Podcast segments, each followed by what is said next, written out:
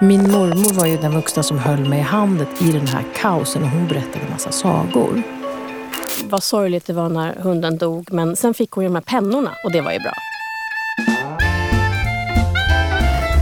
Arlanda, den bilden sitter fortfarande i mitt huvud. De här plastsätena som vi sitter på.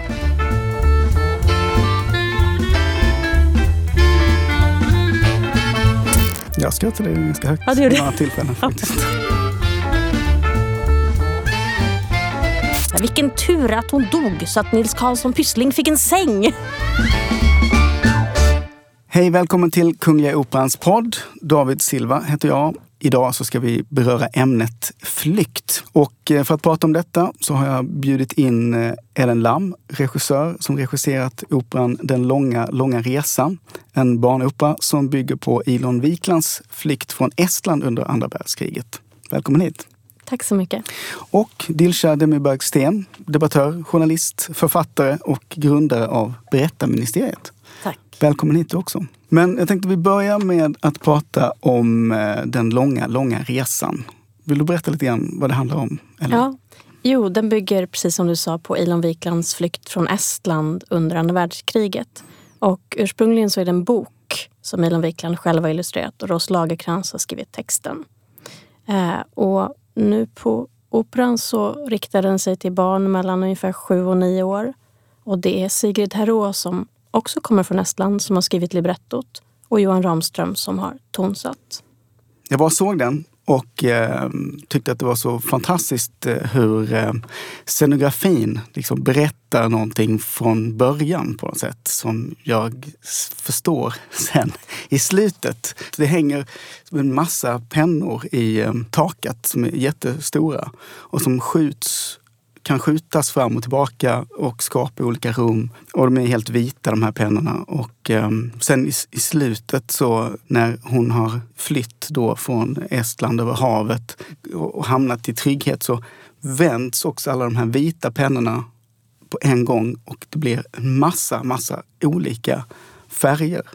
Liksom livet får färg och, och liksom man förstår att hon har haft en enorm hjälp av sin eh, fantasi liksom, för att mm stå ut med både själva flykten men också att komma någon annanstans. Och så där. Vad har ni fått för eh, reaktioner från barn som har sett eh, den här föreställningen, Ellen? Ja, eh, jag tänker nog på både vuxna och barn. Det som är intressant tycker jag är att, för det är ju en stark och gripande och rätt hemsk berättelse. Och vi har väl försökt att verkligen vad ska jag säga, gå in i den smärtan och svärtan, inte väja för den utan låta det vara en grym berättelse. Um, ja, det är tydligt är väl att de vuxna är mycket mer synbart tagna. Alltså vuxna som gråter eller vuxna mm. som är väldigt påverkade efteråt. Barn är ju, uppfattar jag det som, mer krassa på ett sätt. Um, och ja, mer bestämmer sig för saker som det var så, flickan har en hund med sig som blir skjuten ungefär mitt i berättelsen. Och barnen säger saker som um, vad sorgligt det var när hunden dog men sen fick hon ju de här pennorna och det var ju bra. Eller ett barn på premiären som sa eh, när hunden kommer in, hunden är som en docka som kommer med in i applådtacket eh, och säger, vänder sig till mamma och säger ehm, Ja men jag sa ju det, den sover visst bara. Mm. Så barn har ju ett sånt sätt att lösa faktiskt det obehagliga. Den fick mycket applåder den här hunden när den kom in ja, i slutet. Den är en bästa vän verkligen. Tänkte ni liksom på vilken nivå ni skulle, eller hur ni skulle jobba med den där läskigheten eller liksom, eh, tyngden och mörkret i, i berättelsen? Ja, jo men det arbetade vi mycket med. Jag tyckte det var väldigt viktigt från början att det, var, att det blir på allvar, på riktigt. Att man inte, inte skulle bli gulligt någonting. Eh, och så arbetade jag då och Sören Brunes, scenografen, med rummet. Sören dog för precis ett år sedan. Så att han har skapat rummet men inte sen mm. varit, varit med. Obviously. Um, men jag och Sören pratade mycket om att skapa ett rum som kunde innehålla både något tryggt och något farligt. Och ett rum som, för mig var det viktigt att det var ett rum som också utsätter den här flickan. Och jag ville också att det skulle vara ett rum som innehöll flera rum och ett av de sista rummen skulle vara ett rum där hon på något sätt kunde släppa ut det som hon har burit på. Um, och det blir då det här färgrummet. Mm. Och finns det väl också någon idé om att de här pennorna på något sätt visar en fortsatt livsriktning. Dels för Ilon, för så blev det ju för henne. Men också, tänker jag, alltså kreativitet som en väg ut ur svårigheter. Mm. Dilsa, du eh, har ju upplevt ungefär precis det här som händer i den här operan med Ilon. Att eh, fly när man är väldigt, väldigt eh, liten. Var mm. sex år när ni lämnade hemlandet Turkiet. Mm. Eh, hur ofta tänker du på din resa som du gjorde då? Så tänker konkret är det kanske inte riktigt lika ofta, men det är ständigt närvarande. Eh, livsvalen. Jag tror att man ganska tidigt lägger, inte själv lägger nödvändigtvis jämt, men där sätter sig i alla fall grundtonerna för livet. Och det följer en. Hur var din flykt, alltså rent konkret? Alltså, hur gick det till? Om man säger? Eh, min pappa flydde 75, så han flydde alltså på riktigt. Nu måste du lämna, annars kommer du att dö. Mm. Men vi kom under mycket mer städade omständigheter än vad många av mina vänner som bokstavligen flyr över minfält och mm. på så vis det liksom tar sig genom olika länder till Sverige. Utan pappa skickade eh, biljetter, flygbiljetter. Och det, de minnen jag har i och med att jag är sex och ett halvt när, här, när vi flyger till Sverige och ett halvår, ja, åtta månader innan starta de här förberedelserna med myndighetspapper och ansökningar. Och ni måste tänka att det här är 76 och det, det, det är inte digitaliserat så det går snabbt utan man går till myndigheter för att stämpla. Det är lite Kafka-artat för, ur barnperspektivet. Vad är det som pågår? Vem är den här myndighetspersonen? Så det är lite den typen av minnen som har satt sig fast som små mosaikbitar.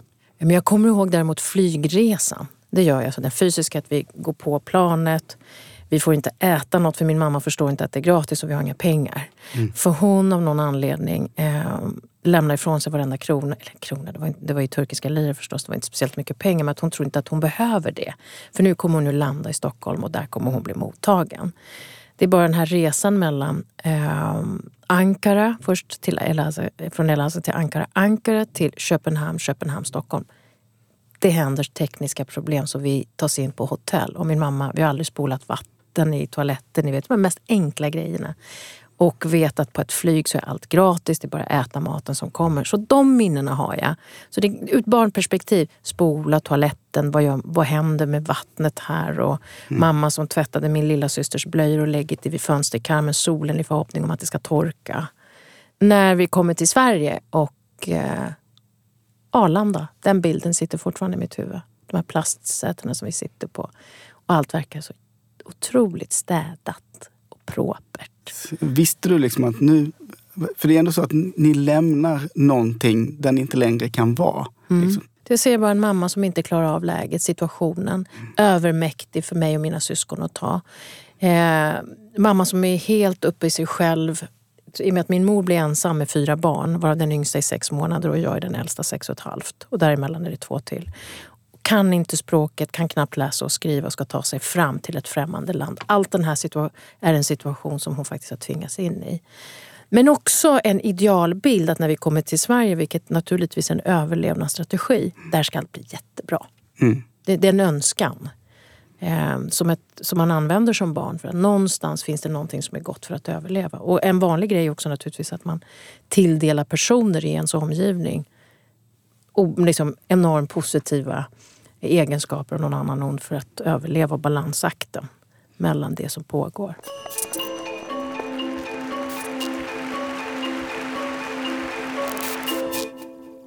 Har ni tagit in den typen av barns fantasi, så förutom själva eh, berättelsen som Milen har skrivit? Jag tror att för mig startade nog eh, tanken om uppsättningen i eh, en vilja att berätta om barns utsatthet. Och en del av Ilons utsatthet är ju såklart flykten och att komma till ett nytt land som hon inte känner och inte kan språket i. Men, men jag tänker ju att alltså att vara barn är ju att vara utsatt. Var man än är. Sen är det klart att det är väldigt stor skillnad mellan att vara utsatt för att man inte har någon att vara med på skolgården eller att man tvingas fly från ett krig. Men just utsattheten och det här med att, man säger, Ja, men det är också att vara barn i att leva i en oförutsägbarhet. Också även om du då lever i en mycket tryggare vardag än det som Dilsa beskriver. Ehm, man ser inte saker komma, man ser inte dem byggas upp. Mm. Utan man utsätts hela tiden för ett resultat. Ehm, så det tycker jag är intressant och det tänker jag att alla barn som kommer och tittar har en, en erfarenhet av. Ehm, och också en typ av existentiell ensamhet som jag tror att alla barn någon gång är med om. Det här med att man känner att vem ska jag vända mig till eller hur ska jag förstå eller vad, vad är min plats i världen? Känner du igen det här? Ja men absolut, mm. absolut. Och den är ju påtaglig eh, naturligtvis för barn i flykt. För då rasar ju hela världen, även för vuxenvärlden. Men, men eh, alltså, karaktäristiskt för en tonåring skulle jag säga, att hitta sin plats. Mm. Det plötsligt uppstår ett stort vakuum av vem är jag, mitt förhållningssätt till mina föräldrar, till omvärlden, hitta min egen plats. Den ensamheten, den är ju hormoniell. Och vi mm. kommer väl alla ihåg den. Mm. Det är ju ett helvete att vara tonåring. Yes. Och så var det liksom svåraste perioden i ens liv. Att man ens överlever den. Mm. Och det är då mycket händer också. Det är då man är tillgänglig för mycket där är det ju så avhängt på en närvarande vuxen. Mm. Eller vuxna. Mm. Ja, som faktiskt är vuxna också. Mm. I det här fallet pratar vi flykt, men det finns ju situationer där vuxna inte själva är fungerande. Mm. Jag tänkte på det här som du berättade om eh, när du kommer till Sverige här till sig och kommer fram till Arlanda och det är liksom plaststolar och det är städat och, och sådär. Just att man, när man kommer fram sen så börjar ju liksom någonting annat. Och då eh, så eh, i Ilons fall så, så tappar hon ju eh, på något sätt kraften mm. eh, och, och, viljan att leva. Mm. Eh, kanske också för att hon känner sig väldigt ensam. och så. Mm. Dels, hur lång tid tog det för dig liksom innan du förstod att, att du egentligen, så att säga, vad som hade hänt och att du var på ett nytt ställe och skulle bygga någonting nytt? Nog ganska omedelbart. Men, men å andra sidan vill jag också säga att jag omdefinierar ju det där hela tiden fortfarande i mitt liv. Vad var det egentligen som hände? Det är som att skriva om sina memoarer hela tiden. Mm. Eh, så att det är inte så att jag har en förklaring. Vissa, fast, vissa fasta punkter finns ju. När vi faktiskt landade och liksom hela den kronologin och så vidare. Men däremot tycker jag nog att jag lite liksom med jämna mellanrum tittar tillbaka på inte bara själva flykten utan vad det blev av efter framför allt. Hur, vad var det som hände egentligen? För vi bär ju den, den, eh, det bagaget som många som, som har tvingats på flykt gör, nämligen att vuxenvärlden inte riktigt klarar själva att hantera och prata om det. Så man får klä, klä det i andra ord och det kommer fram ny information och sådär. Så jag tror att, att eh, jag är inte färdig, fortfarande inte färdig riktigt med vad som hände.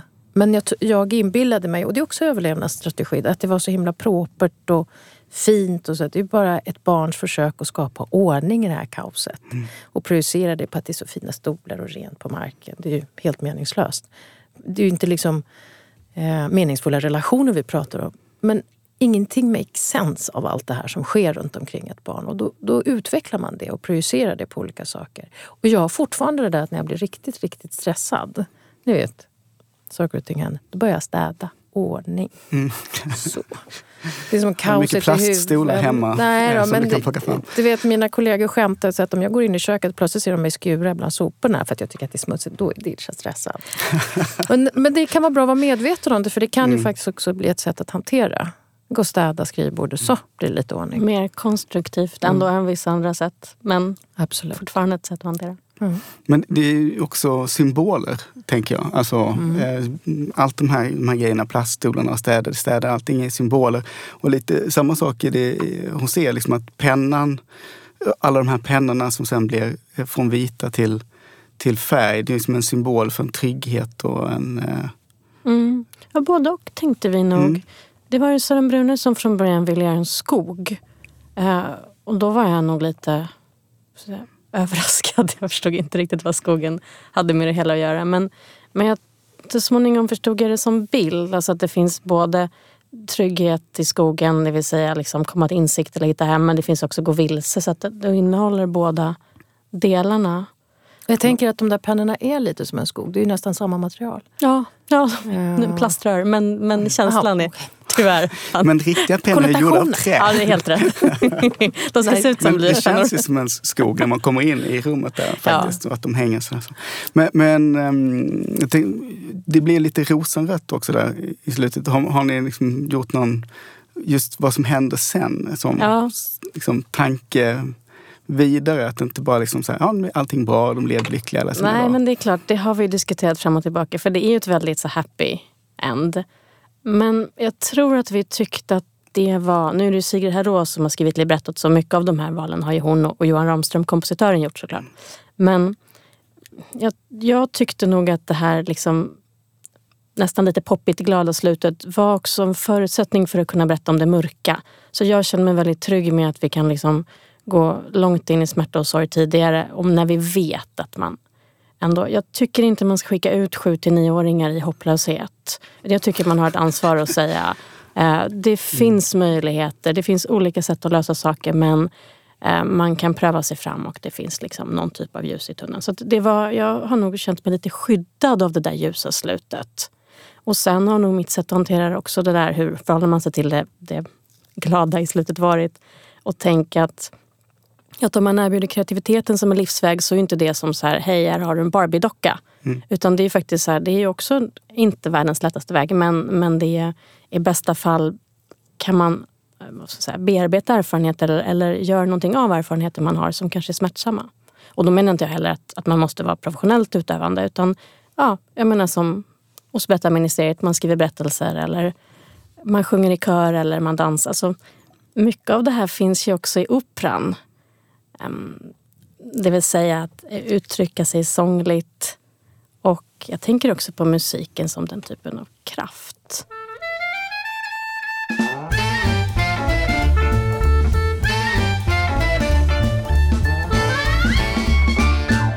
Och jättemycket tänker jag på Estland också eftersom jag varit där några gånger och just en gång råkade komma på den här sångfestivalen som jag inte vet om ni känner till.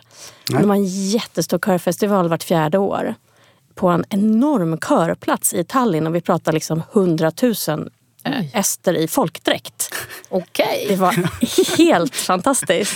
um, men det var också där som um, um, man kallar det, den mjuka revolutionen, vad man kallar det, startade. Alltså det var ju 91 var väl det som det var en sångfestival, eller körfestivalen och någon började sjunga nationalsången. Mm. Mm. Och så småningom stämde folk in och när hundratusen människor sjöng nationalsången var svårt att arrestera någon. Så att jag gör sjungande revolutionen kallar mm. de det. Det är också mäktigt, det där musiken som kraft och vad den kan åstadkomma och musiken som då gemensam kraft. Så att det har jag också tyckt var viktigt i relation till flykt, i relation till Estland och i relation till verket. Och kreativitet är ju liksom eh, smärtsamt. Kreativitet är smärtsamt och rent av politiskt farligt i vissa länder. Mm. vi kan, ibland kan jag känna att vi har lite så här syn på kreativitet. Det är härligt om man tecknar och ritar lite grann. Mm. För att det är inte lika laddat. Eh, oftast för, för artisten är det ju alltid det. Eller konstnären är det ju alltid det. Det är ju en smärtsam process. Eh, men man har liksom inget val. Men däremot just synen, omgivningens syn på skapandets kraft som någonting härligt och mm. fantastiskt. Och det är det ju också. Men det är otroligt smärtsamt. Mm. Hur hittade du att du eh, ville uttrycka dig i, liksom, genom att berätta om saker? Liksom, hur hittade du, du till din kreativitet?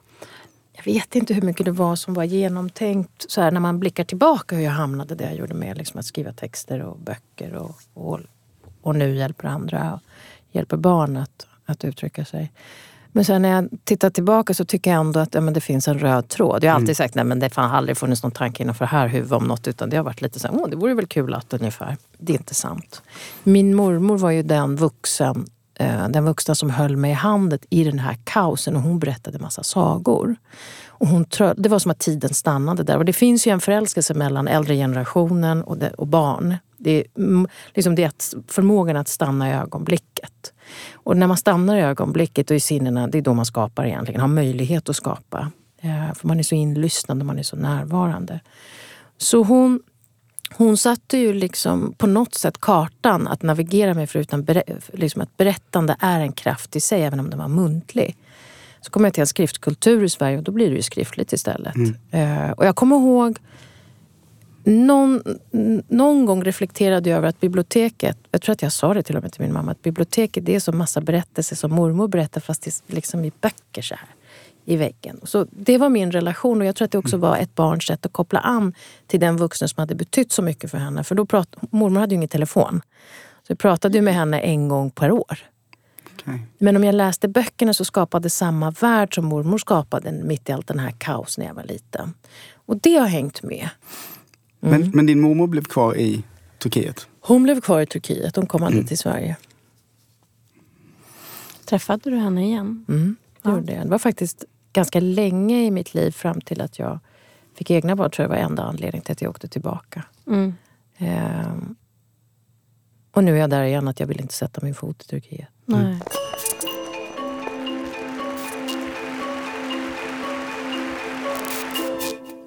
Jag är ganska sträng på hur man läser för barn. Till exempel. Jag är som en gnällig tant tycker att folk slarvar så mycket när de läser för barnen. Hur ska man göra då? Exakt.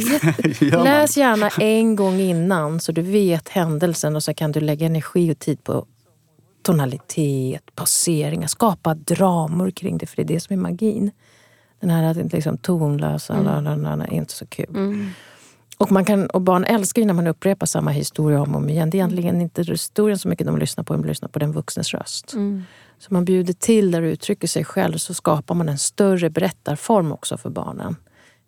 En, någonting annat som, som jag tänkte, nu pratar vi om ska man säga, svåra omständigheter, det är flykt, det är så här.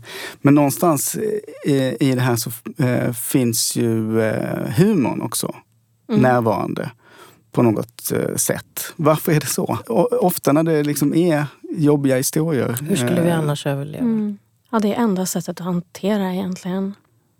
Um, och i operan har jag nog tänkt att det är viktigt med liksom ett allvar men det är också viktigt med, jag tror vi har kallat det vardag, man kan kalla det kropp också. Så att det blir inte bara något högstämt som pågår någonstans högt uppe utan att det blir liksom kroppar som känns som att de rör sig i verkliga rum och är med om saker. Så att man känner att det skulle kunna vara hemma hos sig själv. Eller det finns någonting av hur man tar i varandra som känns som familjerelationer. Så att det inte bara blir liksom något som känns som bilden av någonting. Och där har jag tänkt att humorn är viktig också. Det, finns ju, Mm. det, är inte, det är inte några gapskratt men det finns glimtar in till något som... Jag skrattade ganska högt Ja, det gjorde vid några tillfällen faktiskt. Ja, ska jag erkänna. eh, ihop med andra, inte helt själv. eh, så har, har du använt, eh, hur använder du humor liksom i, i dina berättelser? Eller, eller i, i, så att säga, användes den på något sätt när ni eh, tog er från Turkiet? Nej, om du menar att vi skämtat oss igenom flykten. Nej, inte riktigt. Men Nej. det finns ju en drastisk... Det, det är ju, minoriteter, utsatta minoriteter har oftast väldigt speciell humor. Eh, och det är inte bara kurder, utan eh, den judiska gruppen, den assyriska gruppen, den armeniska gruppen. När man förstår Ehm, så är den ganska drastisk också. Det, typ, det, det finns en, många stråk av både sorg och eh, ledsamhet i de där skämten. De är inte liksom bara allmänt check om Bellman eller något sånt där. Det finns det även i svensk humor. Jag menar, humor är ju inte, den är internationell även om eh, det finns vissa nationella inslag i Ja. den. Så är det ju vårt sätt att överleva. Nej, men däremot så håller den ju ihop människor. Eh, den gör ju det med, med också familj. Man skämtar om samma saker, man vet vad det innebär, man skrattar åt samma saker. Och inom familjen så kan det ofta vara att eh, det är liksom till, tillkortakommanden och sånt där som, Mm. som man skämtar om med varandra. Att också bygga en gemenskap på något sätt. Ja, precis. precis. Jag tror inte jag känner någon standup-komiker som är normalfuntad. Det handlar ju om att kliva utanför gränser på många sätt och testa dem och få snällt kliva tillbaka. Eller så. För det handlar ju hela tiden om att testa och det är när någonting står på spel. Och när man nuddar vid någonting smärtsamt, precis som när man skriver, som det händer något på riktigt. Eh, och de få, jag känner ändå några standup-komiker. Det är ju, det är ju en ganska mörk grundton i alla Mm. som humorn är ett uttryck för. Och det är så de kan nå till det vi alla känner och har också själva. Det är bara att det är deras specialitet. Mm. Det här är Kungliga Operans podd med Dilshad Emir Bagsten och Ellen Lam. Och programledare är David Silva. Dilsa, berättarministeriet som du har eh, skapat. Hur kom du liksom till tanken att det behövdes någonting som den verksamheten som ni gör? Alltså vi är sprungen ur en analys om att den svenska skolan har utmaningar, Mm. lindrigt sagt. Eh, och just områden med hög arbetslöshet eh, är behovet som störst. Som är en riktad verksamhet. Vi finns bara i områden med hög arbetslöshet där eh, de skolor som, som har de största utmaningarna, och då tänker jag framförallt på skolresultaten, finns.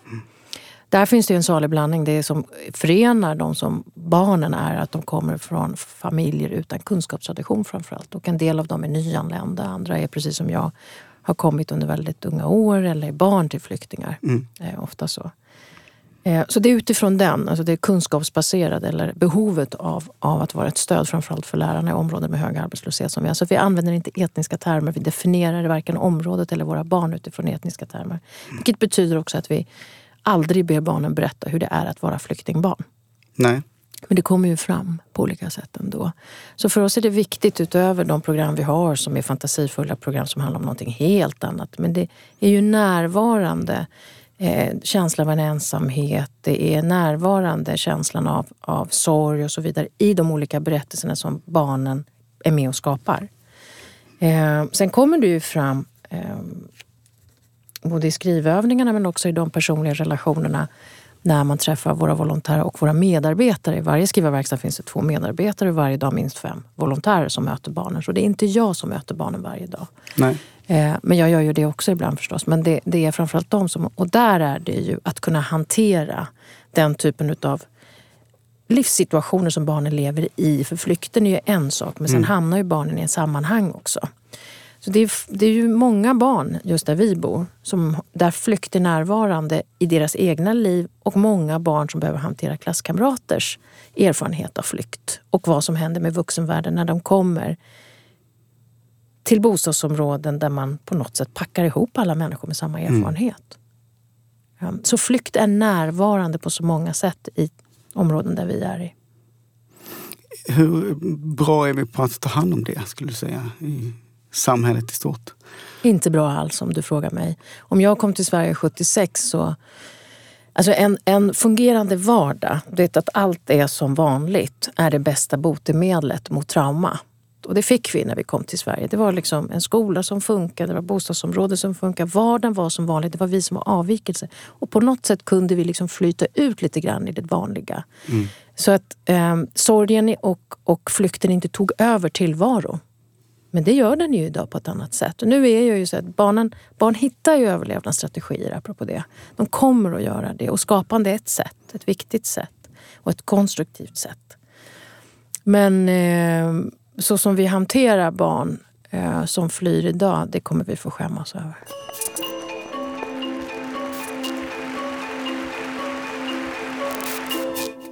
Jag tänker att den kreativa processen också som eh, startar ju någonting, liksom startar ju tankar i en själv om vem man är och var man kommer ifrån och varför saker är som de är. Och så där. Hur eh, möter man det? Så att säga, det som kommer fram i berättelser. Jag tänker att, att uh, den som skapar har på något sätt tvingats in oftast när vi pratar barn i ett kaos.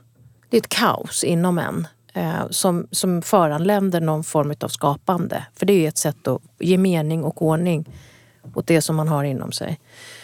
Så jag vet inte om det är... Eh, vårt sätt att hantera är väl inte speciellt mycket att tala om hur det ska kanaliseras. För vi har inte det ansvaret, vi har inte mm. den kompetensen. Det är inte vi som är läkarna så att säga i rummen eller psykologerna i rummet. Men däremot att vara tillgänglig, ställa frågor och lyssna och se och inte säga vilken fin flicka du har målat eller så vidare. Eller vilken hemsk tavla, varför kom våldet in här till exempel. Utan att närvarande vuxna gör så himla mycket. Sen är ju våra kollegor professionella inom just ämnet naturligtvis och vet hur man ställer de här frågorna. Eh, vad är det barnet säger egentligen och så vidare. Eh, den lyhörden, lyhördigheten är ju också en kompetens i sig. Men jag tror att man lite övertolkar det här med, med att man behöver göra jobbet åt barnet. Vet, den här svänga, att mm. det svåra är omäktigt. Eller övermäktigt mm. snarare för barnen. Jag menar, vi har ju många av våra mest älskade barnboksförfattare och illustratörer, Jean Ten, Astrid Lindgren mm. och så vidare. Det är väldigt smärtsamma historier. Mm. Barn klarar det. Uh, det de har svårt det är ju vuxenvärld som inte klarar det. Mm. Och som kanske inte klarar barnens Exakt. känslor. Liksom. Nej, det är lite samma sak. En vuxenvärld som, som eh, förstår att det här är en del av livet eh, kan ta emot någon annans också. Tror jag. Mm. Det är ju väldigt, eh, just som du säger, att det finns ju så fort man börjar titta på nästan vilken historia som helst mm. som är liksom för barn. Eh, Astrid Lindgren eller eh, eh, Mikael Ende, Oändliga resan. Och mm. Det är så många mm. historier där det är så närvarande. Mm. Varför tror du att det är så, Ellen? att ja, men det ju, blir ju starka berättelser om det finns den typen av smärta i dem.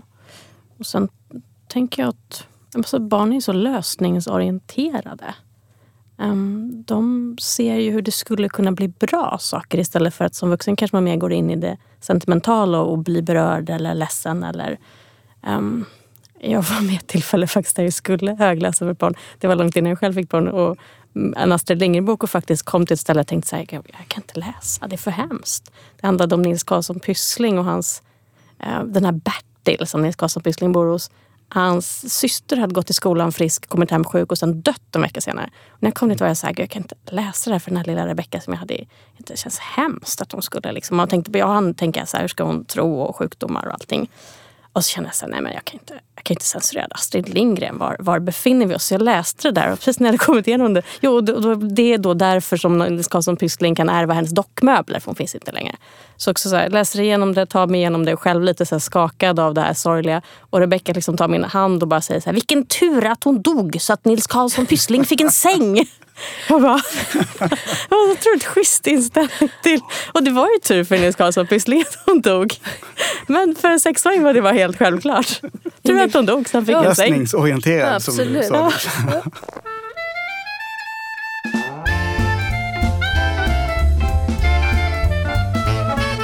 Hörrni, tack så jättemycket för att ni kom hit.